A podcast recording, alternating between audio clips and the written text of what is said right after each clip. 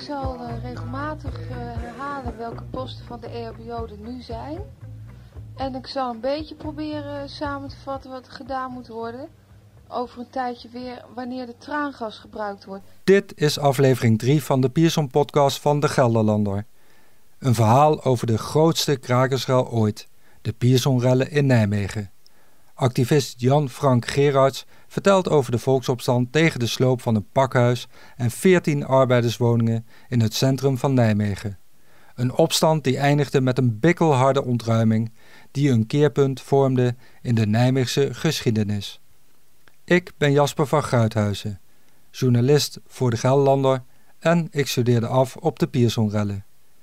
In deel 3 vertelt Gerards hoe het verzet van de demonstranten snel werd gebroken door meer dan 100 traangasgranaten en het harde optreden van de marechaussee. De ME voor ons komt met trappen omhoog. Daarachter is een tank.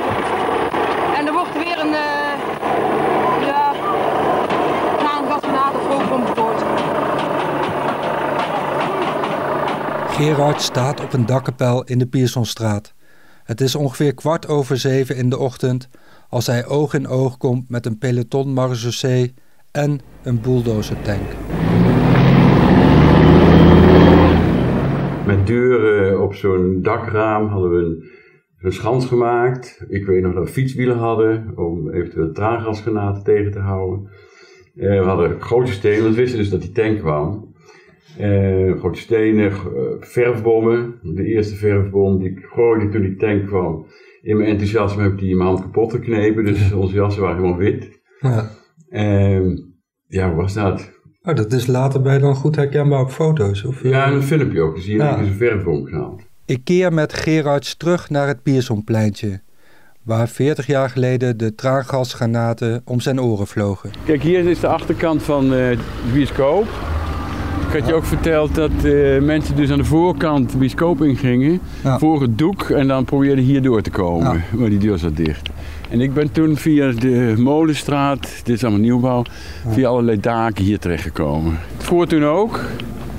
En de zon scheen ook, de dag van de ontruiming. Dus de sfeer is een beetje hetzelfde. We lopen nu la- la- eh, langs het eh, officieel erkend monument.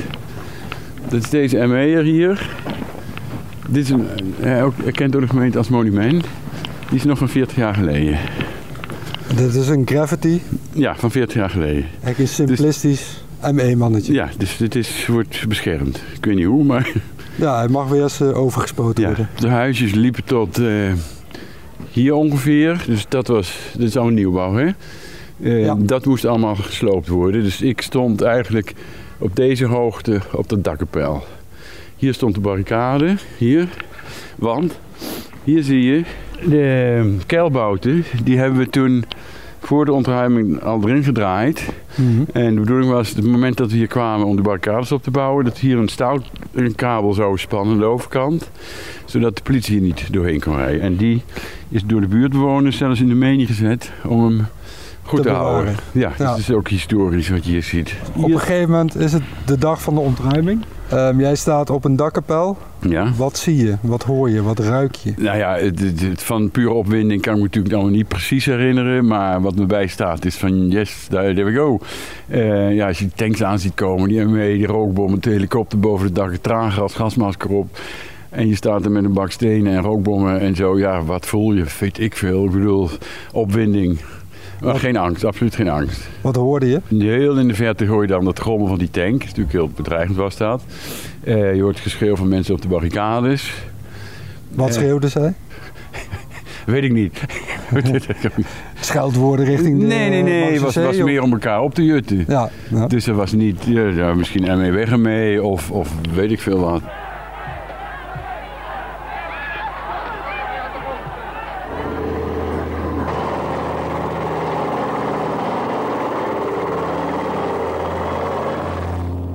Ja, het was heel spannend.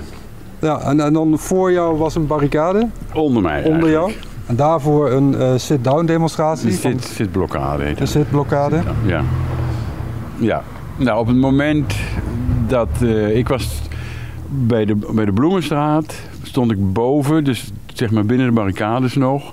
En ik keek dus bovenop uh, de geweldloze blokkade. En ik heb dus gezien hoe die in elkaar geslagen werd door de marechaussee. Nou, op het moment dat die geweldloze blokkade hier ontruimd werd, zat ik daar op, bovenop dat platte dak. En ik zat er dus recht boven.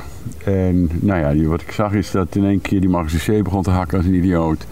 En mensen raakten in paniek en uh, vluchtten weg. En sommigen zegden, uh, riepen help ons, help ons. Maar ja, dat was niet de afspraak. Omdat we hadden besloten dat wij ons niet zouden bemoeien met hun geweldloos verzet. En zij niet met ons minder geweldloos verzet. En wat dacht jij? Want als ze dat al deden bij mensen die geweldloos verzet pleegden. Jij was bereid om geweld te gebruiken. Ik dacht, kom op. Weet ik niet wat ik toen dacht. Dan weet je, je zit in een soort drive en dan ja, dat, dat, ja, dat is misschien ook wel een beetje wat ik mis. Dat je zo in een soort spektakel in iets zit waardoor je gewoon helemaal niet meer nadenkt. Je doet gewoon, je bent bezig met elkaar. En je bent nergens bang voor. En een soort energie, nachten niet geslapen. Ja, een soort oorlogssituatie. En dat is in, vooral die samenhorigheid en dat het avontuur, dat uh, ja, heeft wel wat. En dat, uh, dat mis ik wel. Rond de klok van 7 uur werden de sympathisanten met harde hand verwijderd om zo de weg naar de kraakpannen vrij te maken. Daarna trok de politie met veel traangas op tegen de harde kern van de krakers die rondom de gekraakte huizen was achtergebleven. En tegen dat gas was niemand bestand. De krakers gaven hun verzet op en verdwenen langs de politieafzetting. Het enige geweld wat ik heb toegepast daar is, is dat ik stenen gegooid heb op een, op een, leger, op een tank. Ja. Wetende dat ik echt niet met die steen door het pand heen kom. We hebben geen mollies gebruikt. Wetende dat, dat als dat zou gebeuren, dat iemand in die tank zou kunnen stikken. Dat doe je niet en dat is ook helemaal niet de bedoeling geweest. En verder heb ik geen steen naar een agent gegooid. En er is heel weinig gegooid. Mensen zijn, alle mensen die zo, ja, zich voorbereiden op verzet, die zijn allemaal vergast met 180 traangasgranaten, windstil op een plein. Paniek alleen maar een beetje. Rustig, rustig, rustig. Nou, dit is te gek. Dit is gek. Die hebben liggen creperen in de kelders en zo. En die zijn als makkerschaapjes eigenlijk eruit gevoerd na afloop. Alleen toen brak de woede uit. En er zijn heel veel mensen ook die in een geweldloze blokkade zaten. Die, die hebben de klappen gehad. En na afloop toen dus uh, de boel ontruimd wordt, op, was op maandag had je een, een, een, ring van het station hier Sint-Anna-straat tot aan het Trajanusplein, waar overal rellen. Mhm. Ja, en daar werd flink, uh, flink gegooid. En het was niet strategie van dit is om de panden te verdedigen, die hadden verloren, dat was pure woede. Dat is eentje. Oh ja. Maar die van 30 april, maar dat maakt niet uit waar dezelfde. Het koning. Uh. Oh, koningsschelp. Ja, het is wel, je verrast me wel dat je in één keer een uh, draaggasgranaat laat zien die gebruikt is. Ja. Wat kun je daarover vertellen? Nou ja, hier zijn er dan uh, meer dan 100 van afgeschoten. En uh, moet je je voorstellen op een pleintje, dus helemaal beschut, wind, windstil. 100 van die dingen. Dus je ziet ook op de foto's dat er echt één grote wolk op dat plein, uh, boven dat plein hangt. En ja, er zijn, ik had een gasmasker, dus ik kon een tijdje doorgaan met die tank. Maar heel veel mensen waren zo, ja, er zijn mensen oud gegaan. Zijn, dus dat, dat, is, dat is traumatisch. En dan kun je voorstellen dat mensen die dus bereid waren om zich te verzetten, hè, voorbereid waren ook om een half jaar of de vervangings in te gaan of het ziekenhuis desnoods. En je wordt verlamd, vergast en daarna is die woede natuurlijk eh, ja, zeg maar een explosie. Bij het begin van de tocht hadden zich ongeveer 3000 demonstranten verzameld die richting binnenstad liepen. Er werden leuzen geroepen tegen de leegstand van woningen en tegen de manier waarop de ME gisteren optrad bij de ontruiming. Tussen 5 en 6 uur waren er volgens schattingen van de politie bijna 10.000 demonstranten op de been die zich verzamelden voor de inmiddels halfgesloopte panden aan de Piersonstraat. Vandaar dat die rellen zo heftig waren en dat mensen ook een week daarop tijdens die eh, demonstraties uh, een frust uiten. Ja, dat, dan werd het iets heel persoonlijks. Ik was daar niet blij mee. Ik bedoel, we hadden, we hadden eigenlijk gewonnen. We hadden zoveel mensen op straat bewust gemaakt. En dan is het voor mij niet meer nodig om eerst ruit in te gaan gooien. Dan is het puur uit woede. Mhm. Maar het is wel een consequentie van het politiebeleid dat mensen dus, hè, die geweldlozen, zo gewelddadig werden. Mhm. Omdat ze zo gemapt werden. En mensen die ja, zich wilden verzetten, gewoon afdropen vanwege zo'n grote hoeveelheid gas. Aan de kant van krakers en medestanders zijn gisteren 60 lichtgewonden gevallen. Dat hebben de artsen meegedeeld die de eerste hulpposten van de krakers hebben bemand. Bij de politie werden gisteren 25 lichtgewonden geteld. Was er na afloop van de ontruiming opluchting dat er geen doden waren gevallen? Ja, natuurlijk. Het is bijna een wonder dat het niet gebeurd is. En een enorme opluchting. De ontruiming wordt geleid vanuit een beleidscentrum.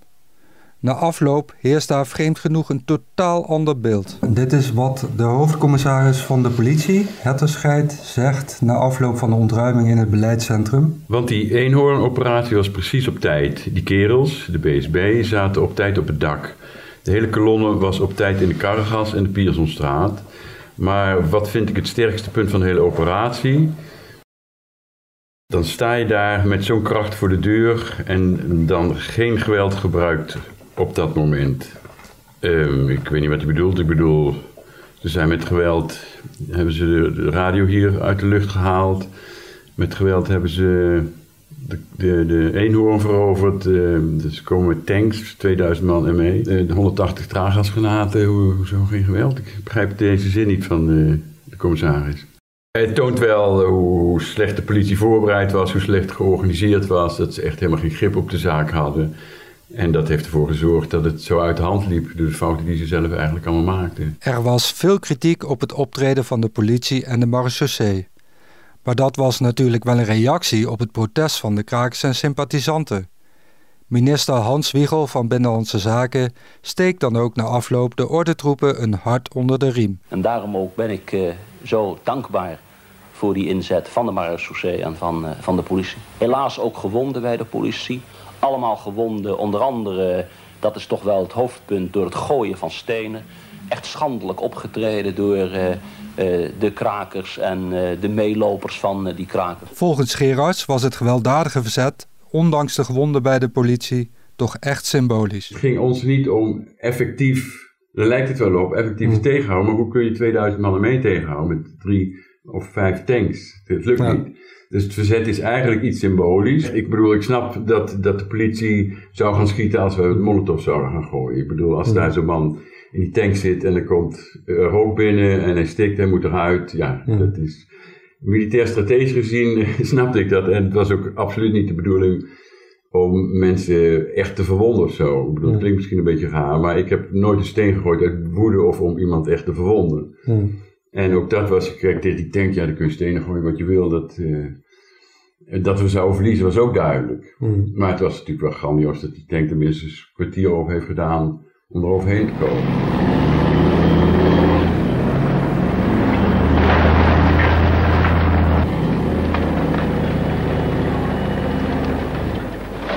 Grootste angst van, van de bestuurders waren molotov cocktails. Dat staat ja, eigenlijk ook in dit uh, Ja, maar dat is, van binnenuit is er gewoon nooit sprake geweest van een scene. Dat is Die hebben ze wel eens gebruikt? Nee, nooit. Nee, nooit? Nee, nee. Vind je ervan dat de burgemeester achteraf zegt er is wel met molotov? Ja, dat is bullshit. Het is gewoon onzin. Meteen na de ontruiming houdt burgemeester Hermsen een persconferentie. Daarin zegt hij dat er ook is geschoten. Nee, er komt een onbekende spreker binnen op het beleidscentrum tijdens de ontruiming en die vertelt dit. Ik heb alleen nog één mededeling, één die niet prettig is. Ook niet ten aanzien van de burgemeester. De zaak waarmee geschoten is, geschoten zou zijn, dat zijn kennelijk geen kogels. Ik heb er hier twee. Dat zijn stukken remkabel die aangetroffen zijn in die fietswinkel van Ratting. Uh, die door die man die daar zat, min of meer kennelijk geïdentificeerd zijn als kogels. Nou, remkabels van een fiets in een fietswinkel van Ratting. Misschien heeft hij hem zelf daar neergelegd, ik ja, weet niet. Er worden wel kogelgaten beschreven bij de eerste melding dat geschoten is. Dus Ja. er zijn blijkbaar wel gaten in, in het raam wat het verhaal van katapulten Ja, nou, het schijnt dat daar dus een observatiepost zat bij Ratting. En ehm, ja, misschien heeft iemand dat gezien en wou ze laten schrikken. Ik kan me goed voorstellen. Ja, de plaatselijke inlichtingendienst die zat daar eh, al de hele week. Vanaf de oprichting van de barricades te posten en te kijken. Een logboekje bij te houden van om drie over zeven komt de buurvrouw soep brengen. Ja, ja dat schrikken dan als er dan in één keer iets door de ramen vliegt. Maar vreemd dat hij zegt dat het een vervelend bericht is voor de burgemeester. Dat hij liever had dat het echte kogels waren. De burgemeester had daarvoor een persconferentie gegeven Hmm. waarin hij zei dat is geschoten. Erg blij waren ze, Binnenlandse Zaken en Justitie, met het bange verhaal van een schietpartij. Want daar, het bange verhaal, gaat het tenslotte om. Dus wat ze daar eigenlijk zeggen van die persconferentie was geweldig, want je hebt gezegd dat er geschoten Ja, ja. was, dus dat verklaart eh, onze inzet. Het is allemaal politiek, joh. Het, Ja. het is allemaal lang geleden en politiek gekonkeld. Eigenlijk zie je hier al, want in het beleidscentrum wordt dan geopperd van goh, er is dan niet geschoten, maar misschien moeten we dan eh, dat verdraaien naar dat er met katapulten is geschoten. Precies. Dus daar wordt al Politiek en gekonkel. Oh partigiano, portami via. Dit was aflevering 3 van de Pearson podcast van de Gelderlander. Ben je enthousiast? Vertel het dan door, deel de podcast en laat een review achter. In het laatste deel bespreek ik met Gerards hoe de nasleep van de ontruiming verliep en slaan we een brug naar het heden. Zondagavond zijn na het ingaan van de avondklok in meerdere steden rellen uitgebroken. Op zeker 10 plaatsen liep het helemaal uit de hand. We worden dagelijks overladen met overbodige informatie. En het is moeilijk de zin van de onzin te scheiden. Daarom vertrouw ik op echte journalisten in plaats van meningen. Een krantenmens heeft het gemakkelijk. Word ook een krantenmens en lees je favoriete krant nu tot al zes weken gratis. Ga snel naar krant.nl. Bezorging stopt automatisch en op deze actie zijn actievoorwaarden van toepassing.